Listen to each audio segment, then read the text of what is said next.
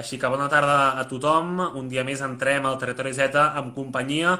Avui parlem d'alcaldes i alcaldesses joves de Catalunya per conèixer com és la feina d'alcalde o alcaldessa en temps de coronavirus i també quan algú encara és jove i té poca experiència en política. Comencem amb la Eva Amposta. Ella és l'alcaldessa del Pinell de Brai, a la Terra Alta, al sud de Catalunya, un municipi de 1.000 persones. Què tal, Eva? Com estem? Bona tarda. Hola, bona tarda. Et volia preguntar abans de començar a parlar de la teva tasca com a alcaldessa. Tu també formes part de Movem Terres de l'Ebre, que és una força progressista, abrenca i ecologista per moure les Terres de l'Ebre, i com que aquí en principi ens segueix gent d'arreu de Catalunya, et volia preguntar quina és la principal reivindicació o la principal demanda que teniu des de les Terres de l'Ebre, perquè la gent també sàpiga els vostres problemes. Pues fas una pregunta prou interessant i prou complicada perquè tenim tantes reivindicacions a les Terres de l'Ebre. Vull dir, jo crec que som un territori que, que potser la gent mos té en referència justament per les reivindicacions. Llavors, eh, clar, com, començaria a parlar des del trasbassament, des de massificació eòlica, des de tenim el projecte Castor... bueno, la llista és una mica, una mica llarga. Llavors, la nostra reivindicació l'hem de fer en positiu. O sigui, ja no volem ser el territori de Catalunya on hi anem posant tot allò que no es volen als altres territoris, sinó que volem reivindicar eh, pues que volem universitats no? I, i que volem una mica més de talent i altre tipus de projectes. Vull dir que és una reivindicació molt àmplia. Això pel que fa a les Terres de l'Ebre. Parlem ara ja de la teva alcaldia al Pinell de Brai. Com vas arribar, Eva, tu, a l'alcaldia? Pues jo vaig arribar a la legislatura passada, a la meva primera vegada en política, ja podeu suposar, o per les edats que tenim de fer les quatre persones que participarem en este debat, i la legislatura passada bàsicament vaig entrar de regidora, no anava de cap de llista, i a meitat legislatura vam fer un canvi en, en un company. Llavors, eh, no era una qüestió planificada, però vaig arribar a l'últim any de legislatura i, i em vaig tindre prou per tornar a animar a presentar-me a, a la reelecció, no? Però va ser una situació, pues, si més no, una mica atípica. Deixa'm dir-te, Eva, que ets l'única persona, persona de les quatre amb qui parlarem avui que té entrada a la Wikipedia. Per tant, també Ostres. estàs dins d'aquest grup selecte de persones amb entrada a la Wikipedia. Um, T'anava a preguntar com ha, com ha canviat o, o com és el teu dia a dia com a alcaldessa des que vas arribar-hi ara fa un any, imagino, a les eleccions de l'any passat. Com, com és això? Bueno, de fet, eh, clar, quan estàs a l'Ajuntament, indiferentment si ets alcalde o si ets regidor, el que és el dia a dia te canvia bastant, no? A nivell de, de temps, és estar en un lloc que t'exigeix invertir molt temps, sobretot si tens projectes encoratjadors, no? Que, que vols fer sí o sí i que ja te ho proposes també com una, com una qüestió col·lectiva, però al mateix temps personal, de poder-los tirar endavant. Llavors, jo crec que el dia a dia està molt condicionat en sempre la disponibilitat i la responsabilitat que tens en, en, en les tasques que fas a l'Ajuntament. Eh, dia a dia, pues, ara mateix vivim un dia a dia que és molt imminent, no? O sigui, la situació actual eh, ha fet oblidar una mica els projectes més a llarg termini, ens fa gestionar un dia detrás de l'altre i, i de forma molt immediata, però si més no, la dedicació s'hi nota. Sí, sí. T'anava a preguntar ara per això del coronavirus, del confinament, com ha canviat la vostra feina i la teva tasca com a alcaldessa a, a causa de tota aquesta pandèmia? Bueno, han canviat la planificació que teníem, no? Els ajuntaments planifiquem coses a curt termini i d'altres a més llarg termini i el que ha fet és canviar-ho tot. Simplement ens hem tingut que adaptar en una situació molt més eh, de supervivència. Potser no seria la paraula, però és que en la situació tampoc me sembla, podríem dir-ho així, no? Eh, llavors, clar, el dia a dia és molt estressant per això, perquè tens la informació molt justa per poder planificar molt poquet. Llavors és una mica impotent, no?, de no poder donar respostes. Els veïns fan moltes preguntes, a, no només o sigui, veïns i a coneguts. A, hi ha molts dubtes i no poder resoldre, perquè no els podem resoldre, malauradament, tots els alcaldes, llavors això pot frustrar una mica. Què és per tu el més complicat de ser alcaldessa, no només en temps de, de coronavirus, sinó en general aquest any que has pogut viure de més normalitat? Què ha sigut el més difícil? El més complicat és, eh, és poder gestionar cada una de les situacions en què et trobes, des de les més petites a les més grans, intentant buscar sempre aquell consens eh, en tothom, no? I quan dic en tothom ja també ho dic uh, d'alguna manera uh, en majúscules, però perquè els consensos en tothom moltes vegades són difícils o segons en quins temes impossibles, però penso que gestionar des d'una perspectiva de no imposar i de i d'altres maneres de fer, de cooperar, això és un gran repte. O sigui que penso que és del més complicat gestionar aquestes situacions que no estem tan habituats el teu municipi té 1.000 habitants, com dèiem abans, és el més gran dels que parlarem avui, però segueix sent un municipi molt petit comparats amb d'altres de Catalunya. Si tinguessis l'oportunitat de ser alcaldessa d'un poble més gran, amb 10.000 persones, 50.000 persones, també ho faries o ja seria una altra cosa? Jo crec que també ho faria, no? O sigui, no mos, no mos presentem a unes eleccions en funció dels habitants que té el nostre municipi, sinó en, en funció de les idees que tenim i, i dels projectes que, que volem tirar endavant. Llavors, uh, penso que sí, que serien projectes diferents, probablement, o, o realitats diferents, però jo crec que no mos ha de fer por uh, això, el volum a gestionar, sinó, sinó al revés un parell de coses seves ja abans d'acabar. Clar, imagino que en pobles tan petits el contacte eh, cara a cara amb els conciutadans, per dir-ho així, uh -huh. és molt habitual. Aquí a Barcelona, per exemple, que jo soc de Barcelona, no tenim contacte fluid amb l'alcaldessa, però en canvi imagino que tu pel carrer veus amb molts dels veïns, comenteu moltes coses, també aquest contacte també és una gran diferència. Sí, i és, eh, té, té la part bona i la part no tan bona, no? Però ja t'ho dic que les dues parts són bones, però en aquest sentit eh, això et permet tindre moltes vegades la impressió que tenen directament i la confiança per poder dir les coses. Eh, sí que és veritat que penso que també s'han de, de marcar límits, no? Per, per una qüestió personal de les persones que estem, que estem al davant de dir, bueno, me pots dir qualsevol cosa en qualsevol moment, però hi ha, potser hi ha coses que les hem de tractar a l'Ajuntament o que les hem de tractar en una certa informació, però la part bona és esta, que hi ha la confiança, que tots ens coneixem i, i que pots tindre impressions molt directes i conèixer com viu, com viu tothom. Uh, llavors, això bueno, jo ho valoro positivament i, i crec que pot ajudar molt a una persona a l'hora de prendre decisions. I vaja, per acabar, us aniré preguntant al, als quatre alguna cosa del vostre poble que tingueu especial, alguna cosa que ens puguis dir, mira, al Pinell de Brai tenim això que és molt nostre. Què diries? Jo et parlaria de la gent i de caràcters, no? Tothom reivindiquem, eh, moltes vegades reivindiquem edificis o reivindiquem paratges, que també us ho recomano perquè tenim, tenim edificis modernistes i tenim eh, les serres de pàndols i cavalls que a nivell de natura i de paisatge són espectaculars, però jo reivindico el caràcter de, de les persones, no? com un tret distintiu d'aquí de les Terres de l'Ebre, de, de ser acollidors, de ser solidaris, i penso que, que això és lo, un dels punts forts nostres.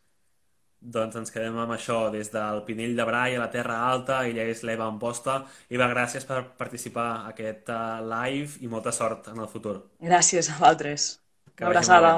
Adéu. Igualment és l'Eva Amposta acomiadem d'aquest de live i ara convidarem a la següent persona que serà en Joaquim Miralles, que és l'alcalde d'Arnes, a la Terra Alta també, i us recordo eh, que podeu continuar investigant la distància que hi ha entre els quatre pobles que avui us presentem. Hem passat pel Pinell de Brai, ara anem cap a Arnes, per tant, dos dels pobles que ja sabeu, aviam uh, aquí. Uh, per tant, podeu continuar investigant la distància. Ara anirem cap a Arnes, amb el Joaquim Miralles, que ja l'estem convidant, en efecte.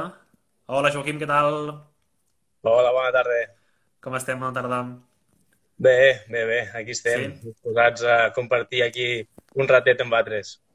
Molt bé, el segon convidat del dia, d'Arnes, a la Terra Alta, un municipi que té 450 habitants, eh? molt menys que, que el Pinell de Brai. Uh, Joaquim, uh, llegia una entrevista que feies fa, fa uns mesos que deies que ets alcalde les 24 hores del dia i els 365 dies de l'any, que també va lligat amb això com comentava ara l'Eva, que anant pel carrer la gent ja et comenta coses perquè sap que tu ets l'alcalde. Sí, sí, sí, això és veritat. I com bé deia abans l'alcaldessa i amiga Eva, que aprofito per a saludar, és veritat que una de les coses bones que té ser alcalde del poble és el tracte tan proper en les persones, però el mateix que té de bo té de que, evidentment, no cal que estiguis en horari d'Ajuntament, sinó que és igual que sigui un diumenge, que sigui el dia de Nadal, si un veí té una queixa, te la fa al carrer, te la fa al bar, te la fa a qualsevol lloc, i evidentment agraïts que així sigui, i si es pot solucionar, encara que sigui un diumenge, pues, ho intentem fer, no? I, I tu, Joaquim, consideres que tens poder? Que si tinc poder? jo, com a no sé si jo diria tindre poder, sinó que el fet de és el poder prendre decisions i no sempre a vegades no podem prendre totes les que voldríem no? I, i no tindre la capacitat de decidir si una cosa la pots fer o no la pots fer, ja que depèn d'altres ens i d'altres eh, poders més, més alts. Així que bueno, això de tenir poder, tens el que tens, però jo no diria poder, sinó que tens capacitat de poder ajudar i de poder fer per les persones. D'on et ve a tu aquesta vocació per la política? és una bona pregunta. Jo vaig aterrissar la legislatura passada com a regidor. A mi em van venir a buscar perquè sí que és cert que jo sempre he una persona que m'ha agradat molt fer coses per un municipi, estar en associacions, al eh, club de futbol, vull dir, sempre he una persona que t'ha agradat molt participar, no? A llavors, pues, des del grup de, de polític del meu poble em va vindre a buscar per si volia formar part del consistori, ficant com a regidor i, pues, evidentment, com és una cosa que sempre m'havia agradat, la meva resposta va ser que sí. Vull dir que jo política fins en aquell moment podríem dir que zero, eh, servei al públic moltíssim i al final per això va ser el que em va fer tirar cap aquí. Recordes, Joaquim, qui va, quina va ser la teva primera decisió com a alcalde? la meva primera decisió com a alcalde, si no la primera de les primeres, perquè la primera vam tindre una averia d'aigua bastant gran i vam tenir que destinar bastants recursos per arreglar-la, va ser la de la lluita constant i al final eh, la perseverança va fer que ho aconseguim d'obrir una sala de rehabilitació al municipi, una cosa que va ser molt important ja que al ser una comarca que estem eh, per infraestructures, les comunicacions no són massa bones, el poder disposar d'un servei així al municipi evitava que la gent gran tingués que desplaçar fins a 30 o 40 quilòmetres i pogués tindre allà el poble. Això va ser una de les primeres coses que vaig fer com a alcalde aquí a Arnes. Abans parlava també amb, amb l'Eva Amposta sobre la dimensió del municipi, que ella em deia que, que encara que fos més gran el seu municipi, ella continuaria. Et volia preguntar si creus que un municipi tan petit com, com aquest, com Arnes, eh, el fet que sigui petit és un avantatge o un inconvenient a l'hora de ser alcalde? Té avantatges, però evidentment també té inconvenients. El bo que té de que sigui un poble tan petit és que pots conèixer de primera mà les necessitats de tots i cada un dels veïns i, evidentment, és més fàcil intentar resoldre-les, no? intentar almenys escoltar-les totes i mirar el que es pot fer. Inconvenient, que tots ens coneixem. Aleshores, les crítiques també són de primera mà, eh, les crítiques de persones properes a vegades potser són les que et fan més mal, tot i que mm, la majoria de vegades són constructives, no? però n'hi ha que no ho són i al conèixer-nos tots, doncs bé, acabes sabent qui diu què i què diuen de tu, no? però bueno, és una, jo crec que és més un avantatge que un inconvenient. Et sents una mica una espècie rara en un món d'alcaldes que habitualment no? coneixem l'alcalde gran, l'avi del poble, que sobretot al Pirineu eh, són els alcaldes i alcaldesses. Senten jove? Et sents una mica una espècie fora de lloc, en certa manera? La veritat és que cada dia menys, eh? cada dia menys i tenim la gran sort de que la gent jove eh, cada cop s'està involucrant més en el món de la política i comencen com a regidors joves, eh, si tenen la sort i els agrada es presenten com a, com a alcaldes i la gent ho veu que és la gent jove no? la que ha de tirar endavant el territori, però sí que és veritat i, i és molt curiós. Jo quan vaig presentar, eh, quan vaig entrar d'alcalde a la legislatura passada, sí que anaves a reunions, anaves a molts llocs i clar, quan et veien i presentaven com l'alcalde d'Arnes, no dient l'alcalde, no pot ser, no? deu ser el regidor, deu ser algú... La figura d'un alcalde tan jove és veritat que a hores d'ara encara no està prou, prou consolidada, però sí que cada vegada més eh, la gent jove estem tirant avant perquè ens importa el municipi, ens importa la nostra terra i el que volem és tirar endavant. Així que jo animo també a tota la gent jove que, que té aquesta vocació no, de, de servei públic que, que s'animi perquè és una experiència molt, molt bona. Una última cosa, abans de passar a la pregunta final, Joaquim, et planteges més futura de política, anar més enllà eh, d'alcalde d'Arnes? Bueno, jo sempre ho he dit, al principi ho és descartat. Eh? El primer any, quan vaig acabar, vaig dir fins aquí. Però no, és veritat que, que sí és un món que, que m'agrada, eh, m'agrada poder ajudar les persones, llavors no hi ha una millor cosa que la política per a poder-ho fer, però jo sempre he dit el mateix, no seré jo qui, qui ho dirà, sinó que serà la gent del meu voltant, serà la gent del meu poble, la gent del meu partit principalment, si creu que, que tinc la validesa per a tirar més amunt o per a assumir altres càrrecs, eh, per part meu, evidentment, que, que serà, un, serà que sí. I l'última, Joaquim, alguna cosa d'Arnes, algun fet que vulguis destacar del teu poble?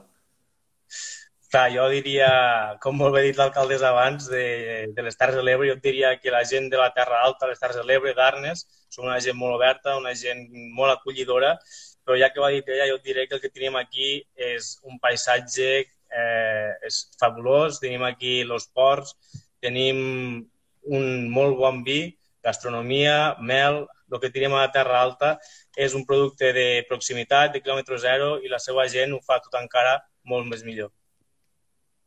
Doncs ens quedem amb aquesta reflexió d'en Joaquim Miralles, que és l'alcalde d'Arnes, a la Terra Alta. Joaquim, gràcies i molta sort. Moltes gràcies, igualment. Que vagi bé. Que vagi molt bé. Una abraçada.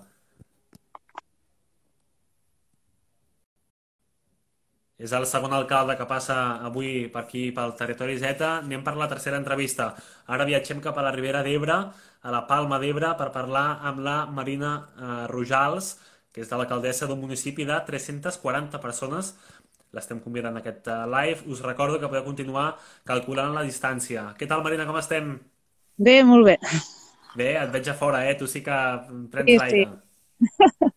Ben fet, ben fet. La Palma d'Ebre, ara comentava, un municipi de 340 persones. Has de compaginar, tu, Marina, la feina d'alcaldessa de la Palma d'Ebre amb altres, amb altres ocupacions? Ara mateix només estic fent de- d'alcaldessa perquè bueno, és una mica complicat, poses al dia. I durant el confinament, com ha canviat la teva feina com a alcaldessa? Bueno, és el que dèiem que vam fer molt teletreball i, com han dit els alcaldes anteriors, doncs, que moltes de les coses que, podria, que ens preguntaven els veïns no teníem resposta i bueno, intentar fer de tot, des de fer reunions, des d'anar amb la brigada que desinfecte, el que convingui. A tot arreu, el que faci falta aquests dies. Abans del confinament, quan tot era més normal que no pas en aquesta època, què diries que era el més exigent de ser alcaldessa? Bueno, jo vaig començar una mica accidentada perquè vaig començar amb un incendi, el de la Ribera d'Ebre. A l'octubre vaig tindre els aiguats i ja no hem parat. O sigui que normalitat, normalitat encara no n'he tingut com a alcaldessa. Però I el més, el, més exigent que, que et suposa aquest càrrec? la responsabilitat. És de vegades de, de prendre decisions que a vegades poden ser difícils, però que s'ha de fer. Com resumiries, així, en 30 segons, tota la feina que implica ser alcaldessa? Perquè a vegades potser la gent es pot pensar ah, això és un municipi de 300 habitants, és poca cosa, però tu tens molta feina a fer darrere d'aquest càrrec. Sí, sembla que, que no hi hagi tanta feina, però realment, i més en un poble petit, que moltes coses, bueno, hem de fer moltes coses, la, hi ha molta de la feina que no es veu, que és, lo que, que és la que majorment ocupa, o sigui, la que es veu és poca al final. Feina que no es veu, com, com per exemple? Doncs a totes les reunions, o per poder fer un projecte, tot el que has de fer darrere, o per poder arribar a un acord, tot el que has d'anar mirant. És, és, bueno, són coses petites que realment no es veuen fins que no arribes al final, o coses que potser aquest any no es veuran i es veuran l'any que ve la feina que has fet ara.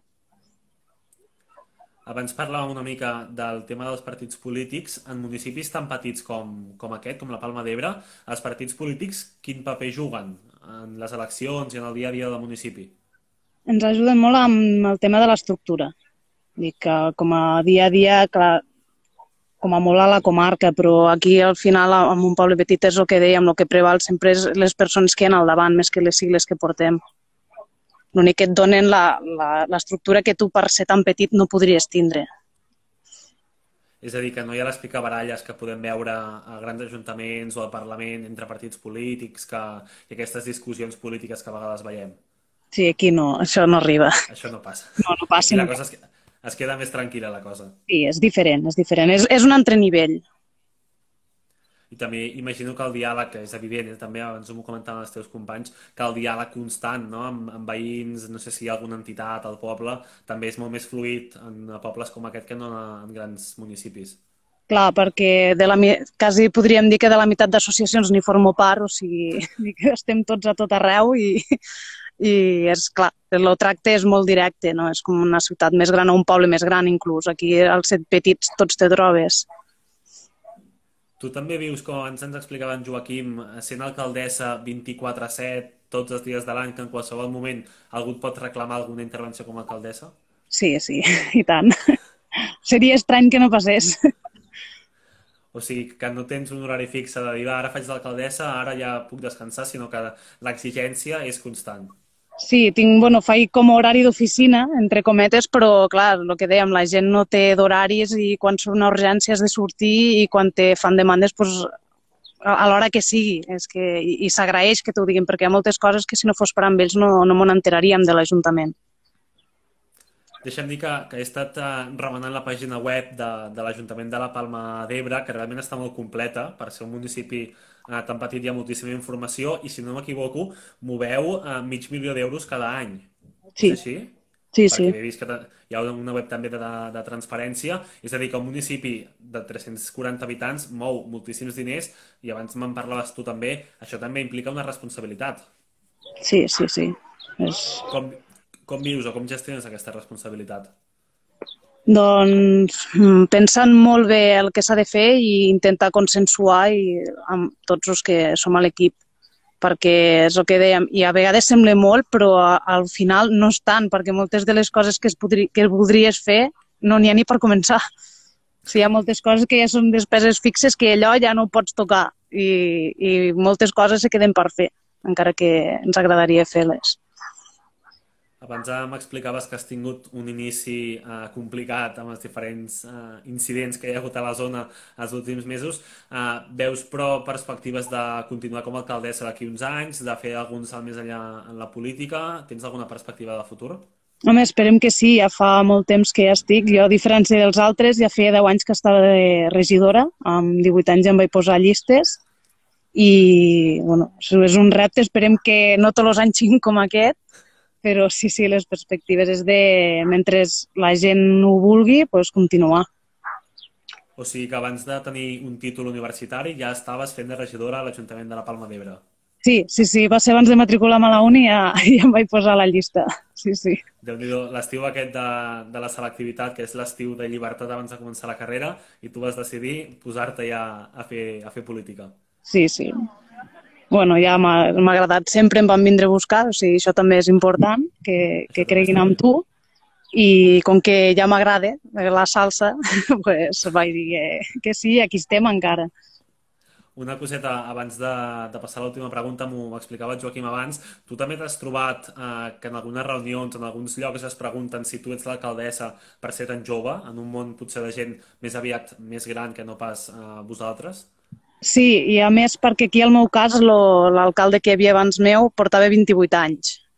I clar, molts, mo- los d'aquí la zona ja sabien qui era perquè ja em anava movent, però clar, molts pens, no, no s'ho acabaven de, de creure perquè són molt pocs de, de gent jove, de- d'alcaldes. Regidors cada vegada n'hi ha més, però d'alcaldes joves són poquets, la veritat.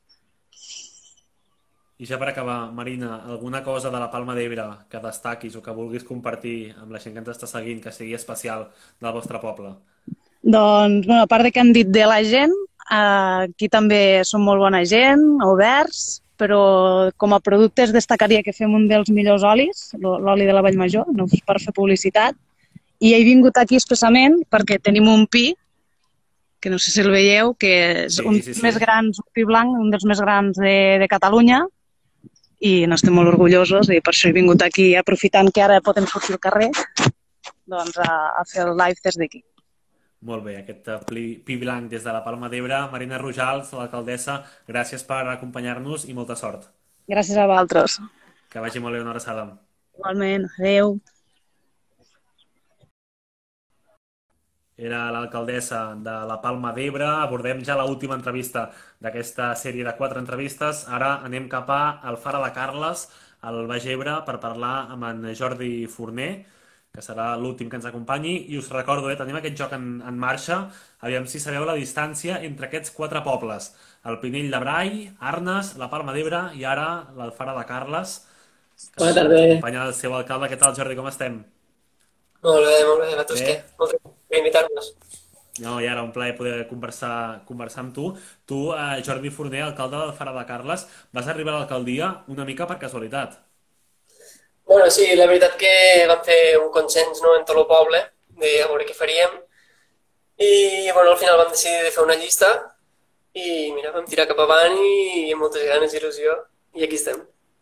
I vas arribar a l'alcaldia. Deixa'm preguntar-te, tens despatx com a alcalde a Sí. l'Ajuntament? Sí. Clar. I se, tu va- vas seure al despatx i què vas pensar un cop vas tenir la vara d'alcalde a les mans? Bueno, quan, quan vam entrar, la veritat que el primer que penses en, en tot el que vols fer, no? Perquè, clar, entres en moltes ganes i dius, pues, bueno, començarem a fer moltes coses. Però després, bueno, te'n dones compte que l'administració no és tan àgil com, com un pensa, no? I, i bueno, és una mica frustrant, però les ganes i la il·lusió no, no ho perdem. Què és el més difícil de ser alcalde i en concret alcalde del Fara de Carles? Bueno, jo crec que és prendre moltes decisions que són complicades, no? I a part també vivim a, en un poble on ens coneixem tots i, i et sap mal a vegades prendre decisions que puguen afectar gent que estimes, no? O sigui que aquest contacte tan cara a cara que em comentaven també els teus companys, a vegades també és un hàndicap a l'hora de governar. Són avantatges però també inconvenients. I abans també li preguntava, no sé si a l'Eva o al Joaquim, tu consideres que tens poder? Bueno, poder... Lo, al fi i al cap intentem consensuar el que vol la gent, saps? No, no tampoc marcar res a ningú. O sigui que tampoc pots, ara m'ho comentaves, eh? no tens tanta capacitat de decisió com potser voldries en alguns moments. No, a vegades no. Perquè al fi i al cap també ens marquen molt des de dalt, no? De dir, per exemple, depenem de les altres administracions també. No és tot. Quin és el teu dia a dia com a alcalde abans del coronavirus? Perquè imagino que tot ha, bueno, és evident eh, que tot ha canviat molt amb el, amb el confinament. Abans, al, al febrer, al gener, quan podies exercir com a alcalde amb normalitat, quin era el teu dia a dia? Sí, bueno, és, és depèn del dia, no? Ha, cada dia és diferent. És també el bo, no? Que no sempre estàs fent el mateix. Hi ha dies molt bons, hi ha dies molt dolents, hi ha dies que, que no hi ha tanta feina, hi ha dies que n'hi ha molta més. És, és, és diferent. I és una feina a la qual t'hi dedicaves plenament, diguéssim, quan no hi havia confinament, o havies de compaginar-la amb altres ocupacions? Bueno, quan, quan vam començar mmm, me vaig dedicar exclusivament a això perquè, clar, és, entres en un món nou, hi ha... Bueno, no és un món fàcil tampoc perquè hi ha molts òrgans, moltes coses que des de fora no es veuen tampoc, és el que deia abans la companya, no? I, i bueno, ara estic començant a engegar projectes i tal, i, però banda. Deixem preguntar-te per una iniciativa que hem vist, que heu engegat, no sé si des de l'alcaldia, diguéssim, o des d'altres sectors del poble, un Instagram del Fara de Carles aquests dies de confinament. Sí, la veritat que, bueno, he fet bàsicament un Instagram, però més que res com a usuari del poble, no, no com a ajuntament tampoc, perquè, bueno, per a mostrar coses del poble que, que són així interessants. De fet, ho he començat ara, encara no hi ha moltes coses, però, bueno, anirem... És un projecte per passar el confinament també una mica més entretingut. Sí, i tant. No, ja l'han passat entretingut, ja. Sí, això, això segur. T'anava a preguntar precisament pel coronavirus. Eh, imagino que també seguiu fent feina telemàtica. No sé si en el vostre cas canvia molt la feina que feu o que feies abans amb la que has de fer ara des de casa.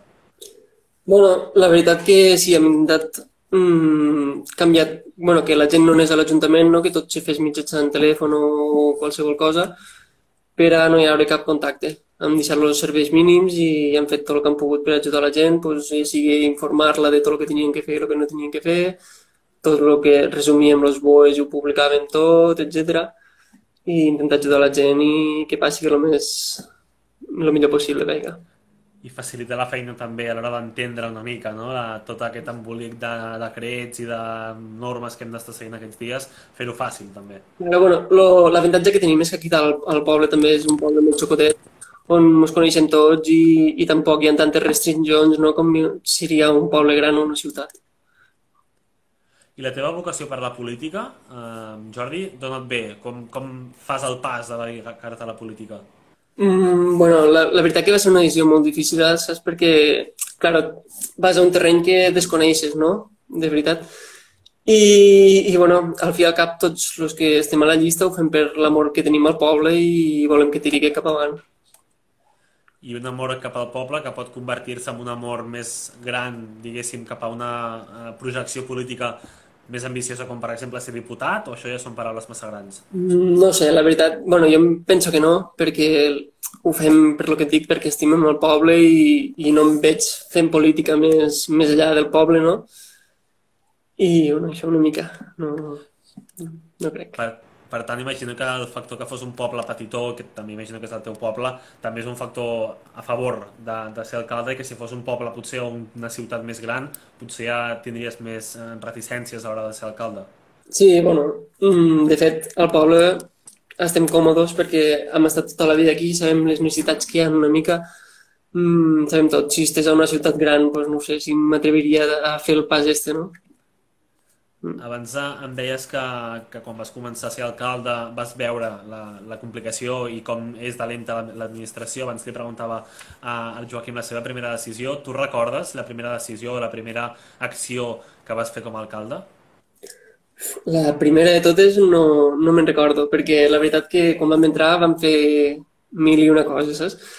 Eh, I a més també eren, teníem les festes un mes després d'entrar i va ser tot, molta feina, saps? Al principi. Tot, tot molt ràpid.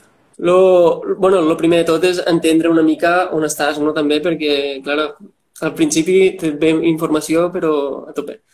I ho has d'assimilar tot i entendre-ho tot i, i anar avançant. Ara que em parles de les, de les festes de poble, imagino que en un poble com la Fara de Carles, tan petitó, surts de festa amb la gent amb qui després eh, discuteixes projectes del poble, amb rivals polítics, amb, amb veïns, és tot un conglomerat de gent. Claro, claro, estàs en tothom. La veritat que sí. O sigui que al matí estàs a una taula reunit i a la tarda estàs fent uh, unes copes al bar. Sí, i tant. És, és la gràcia d'aquests pobles. Uh, Jordi, per acabar, alguna cosa que tingueu a la Fara de Carles, així destacada, que vulguis compartir amb els seguidors, que sigui distintiu vostre?